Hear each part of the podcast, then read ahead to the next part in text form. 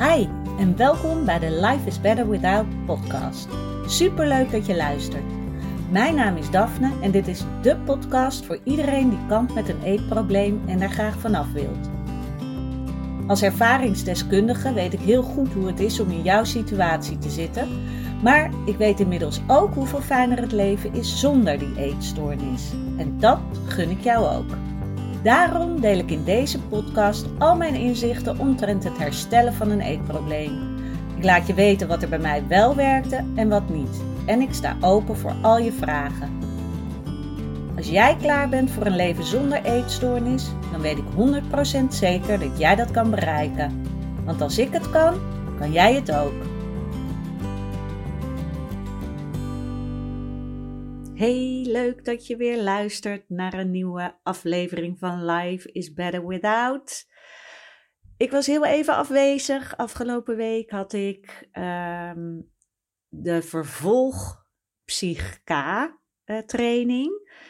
Nu inmiddels ben ik dan master facilitator.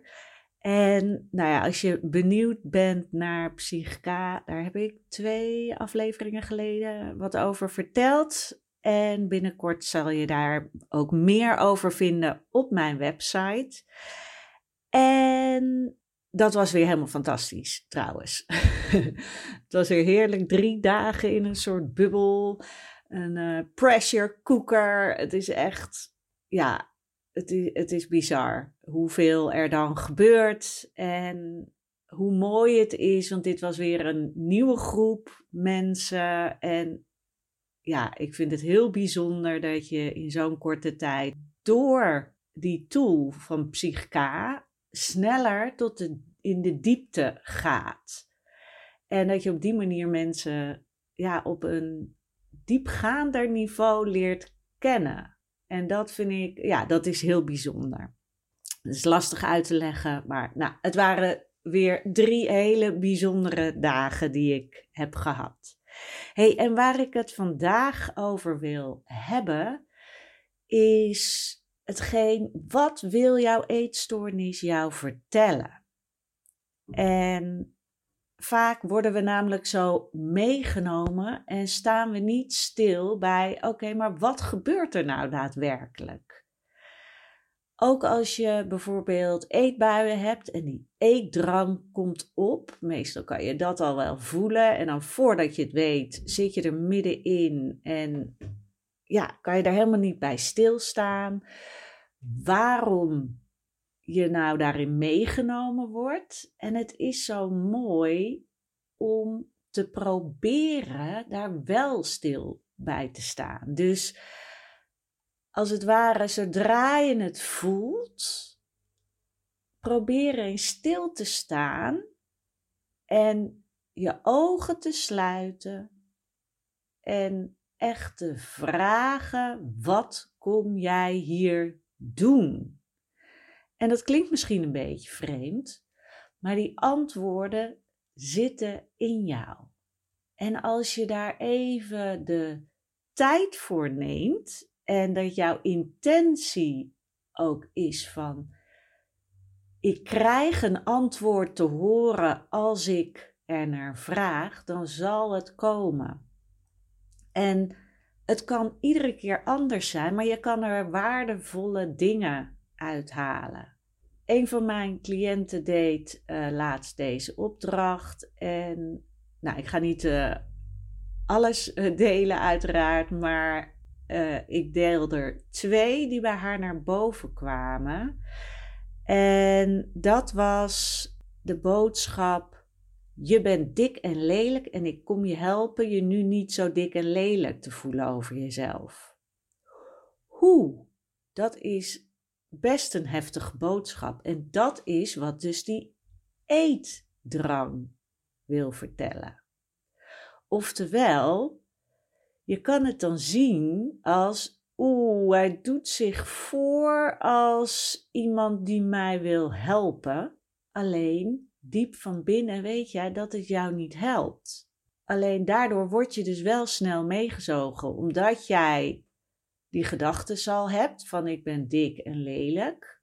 Dat wil je weg hebben en dan poef is daar die eetdrang om dat gevoel voor jou weg te halen. Want en je krijgt heel even rust, je hoeft er even niet aan te denken. En het zit in jouw hoofd, als ik maar mijn eten er weer uitgooi, blijf ik slank of dun. En ben ik niet zo lelijk. En dat zijn dus allemaal gedachten die jij hebt. Het is jouw beeld van hoe jij jezelf ziet. Het is niet de waarheid, het is niet een feit.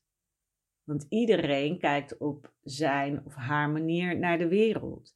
Maar het is dus zo gevaarlijk dat die eetstoornis zich voordoet als iemand die jou wil helpen. Wat natuurlijk in principe heel aardig is, alleen het dient jou niet. Het trekt jou steeds verder in de problemen. En bijvoorbeeld een andere was, en dat komt ook vaak voor bij uh, mensen met bulimia. Maar ook wel inderdaad mensen uh, met anorexia of binge eating disorder. Het feit dat het moeilijk is om met leegte om te gaan. En dan bedoel ik dus die tijd dat je ehm, even niet meer weet wat je moet doen. En dat zou je natuurlijk uh, kunnen verwarren met rust. Maar ik denk dat dat het hele ding is. We, vinden het vaak moeilijk om niks te doen, rust te hebben. En dat slaat dan om in een soort verveling en onrust, want je wil een beetje een nuttig gevoel, hebben voor jezelf. Je wil, ehm, ja, in ieder geval niet denken van, nu zit ik hier helemaal niks te doen en, nou, ik ben niet waardevol nu. Want dat gevoel komt vaak naar voren als je even zo'n moment hebt van, oh, ik weet het even niet wat ik nu kan doen. En waar je natuurlijk naartoe wil, is dat je dat er laat zijn. En dat je daarmee om kan gaan en dat je voelt van, oké, het is even zoals het is. Ik ga gewoon even zitten, even niks doen. Of je denkt, ik ga gewoon even een suffe serie kijken, want ik weet het even niet en dat is oké. Maar in plaats daarvan komt vaak die onrust van shit, ik weet niet wat ik moet doen en nou zit ik hier en dat mag niet, ik moet iets nuttigs doen, want anders ben ik niet waardevol en dat geeft stress. En die stress zorgt dus ook voor die onrust die je dan krijgt. En wat er dus dit keer in zo'n geval als boodschap kwam van de eetstoornis was: je voelt niet waar je zin in hebt, je vindt nu niets, niks leuk, je vindt nu niets waar je leven kleur mee geeft. Ik kom je helpen om dit lege, waardeloze gevoel op te vullen. En ja, dan denk je natuurlijk ook: ha, lekker ben ik even dat nare gevoel kwijt dat ik waardeloos ben en dat er niks is, dat ik geen inspiratie heb, dat ik geen uitweg zie bijna. En dan is het heel logisch dat jij inderdaad denkt: hey, die eetstoornis zegt dat hij mij kan helpen, nou, dan ga ik daarin mee. Maar je weet ook dat het jou op de lange termijn niet helpt. Het is weer zo'n naar persoon die jou in de problemen brengt, in plaats van dat hij jou echt helpt, dat hij echt het beste met je voor heeft. En zo is het dus wel goed dat je, ja, dat, dat je dus bekend wordt met wat die eetstoornis jou vertelt. Want dan weet je ook, oké, dit zijn de dingen waar het mee te maken heeft. En hij probeert mij dus te helpen. Het is een uitweg voor mij. En dan mag jij gaan kiezen of je dat nog wil. het wordt zeg maar concreter in plaats van poef, eetdrang, ik geef me over en ik zit in een eetbui en daarna ga ik het overgeven en daarna voel ik me ellendig. Of daarna voel ik even rust en dan denk ik, dit ga ik nooit meer doen, want je voelt je weer goed en je denkt dat je het nooit meer nodig hebt.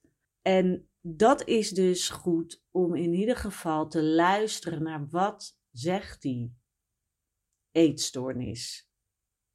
Wat vertelt hij jou?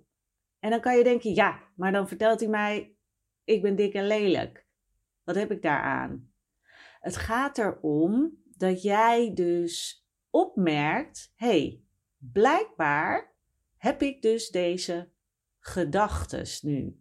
Zonder dat je daar misschien op dat moment heel erg van bewust was.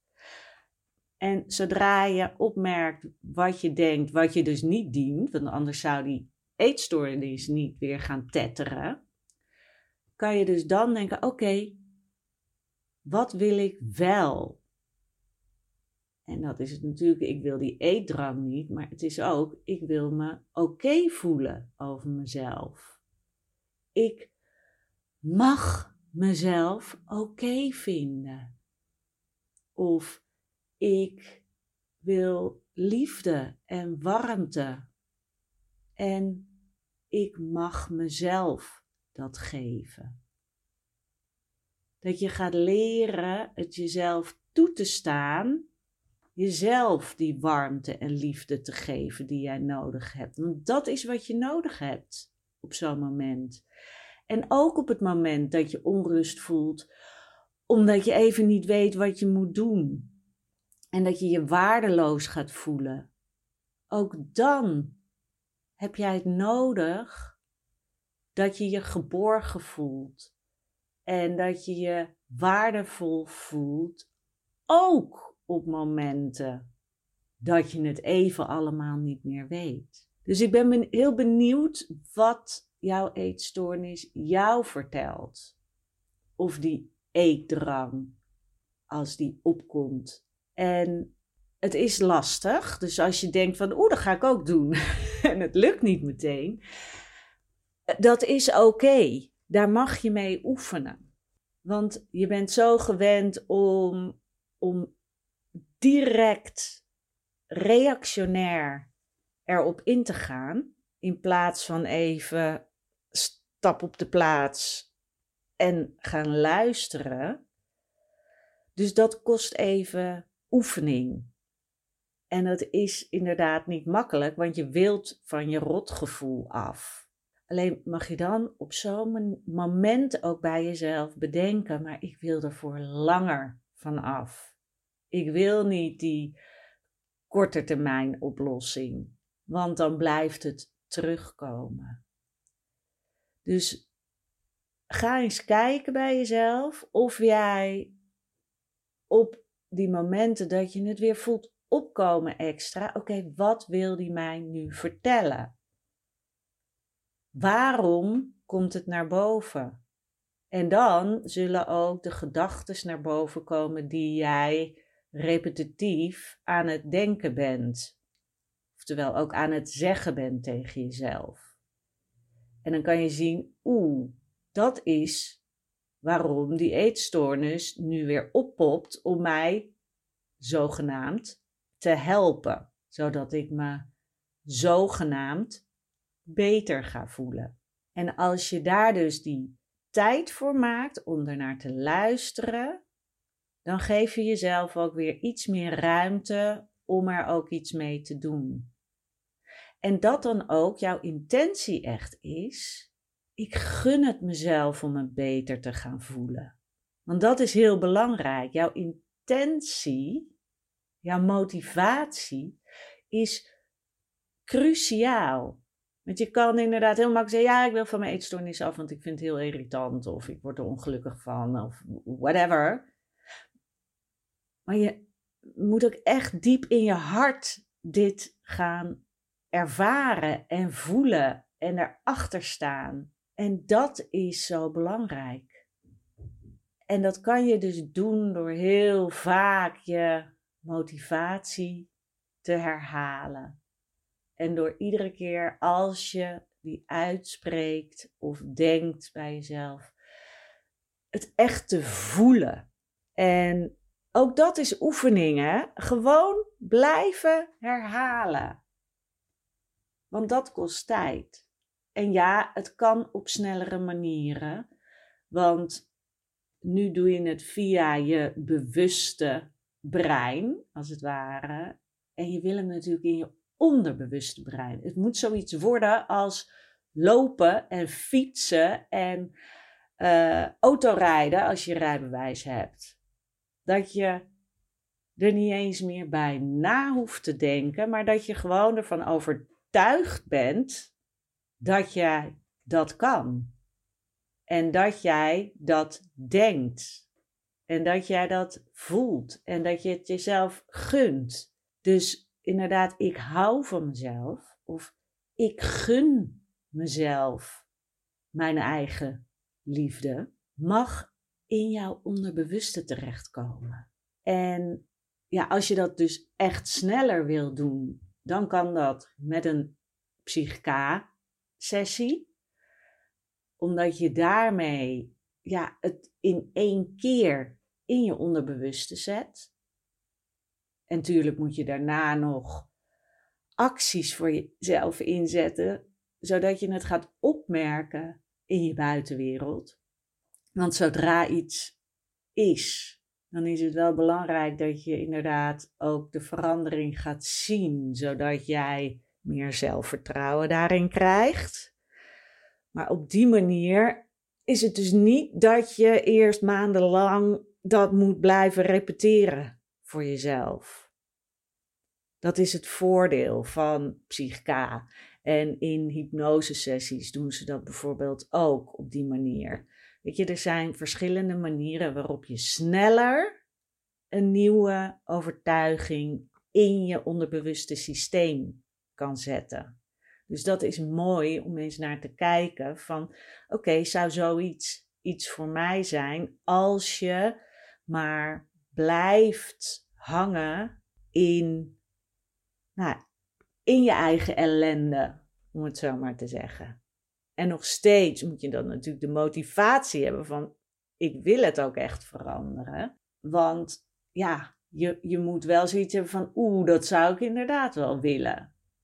Want dan mag het ook in je onderbewuste gezet worden. Dus dat is iets voor jezelf om over na te denken. En nogmaals, het is ook mogelijk zonder. Maar het is heel belangrijk dat je het dan veel herhaalt voor jezelf. En dus echt als een affirmatie herhaalt voor jezelf. En het echt gaat voelen. En ook de verandering gaat zien. En ook blijven luisteren van oké, die eetstoornis is weer aan het tetteren. Waarom is hij aan het tetteren? Wat komt hij doen? Waar heeft hij zogenaamd een oplossing voor? Dan kan je erbij stilstaan van oeh, dit is waar ik op dit moment mee bezig ben. Dit zijn de gedachten die in mijn hoofd blijven rondtollen. En daar mag ik iets mee gaan doen. Ik ben heel benieuwd wat voor boodschappen jij als het ware krijgt van jouw eetstoornis of eetdrang en of het je überhaupt lukt om ernaar te luisteren. Ben heel benieuwd, dus voel je vrij om het mij te laten weten. Vind je deze podcast nou waardevol zou je mij heel erg helpen door bijvoorbeeld een review achter te laten op iTunes of de podcast, nou, vijf sterren of zo te geven. En dat kan via Spotify of de podcast liken op um, SoundCloud. Want zo zullen meer mensen deze podcast vinden. En je kan inderdaad ook de podcast volgen. Dan krijg je altijd een berichtje, volgens mij, als er weer een nieuwe uh, podcast online is gekomen. Ik dank je wel weer voor het luisteren en ik spreek je bij de volgende. Doei doeg!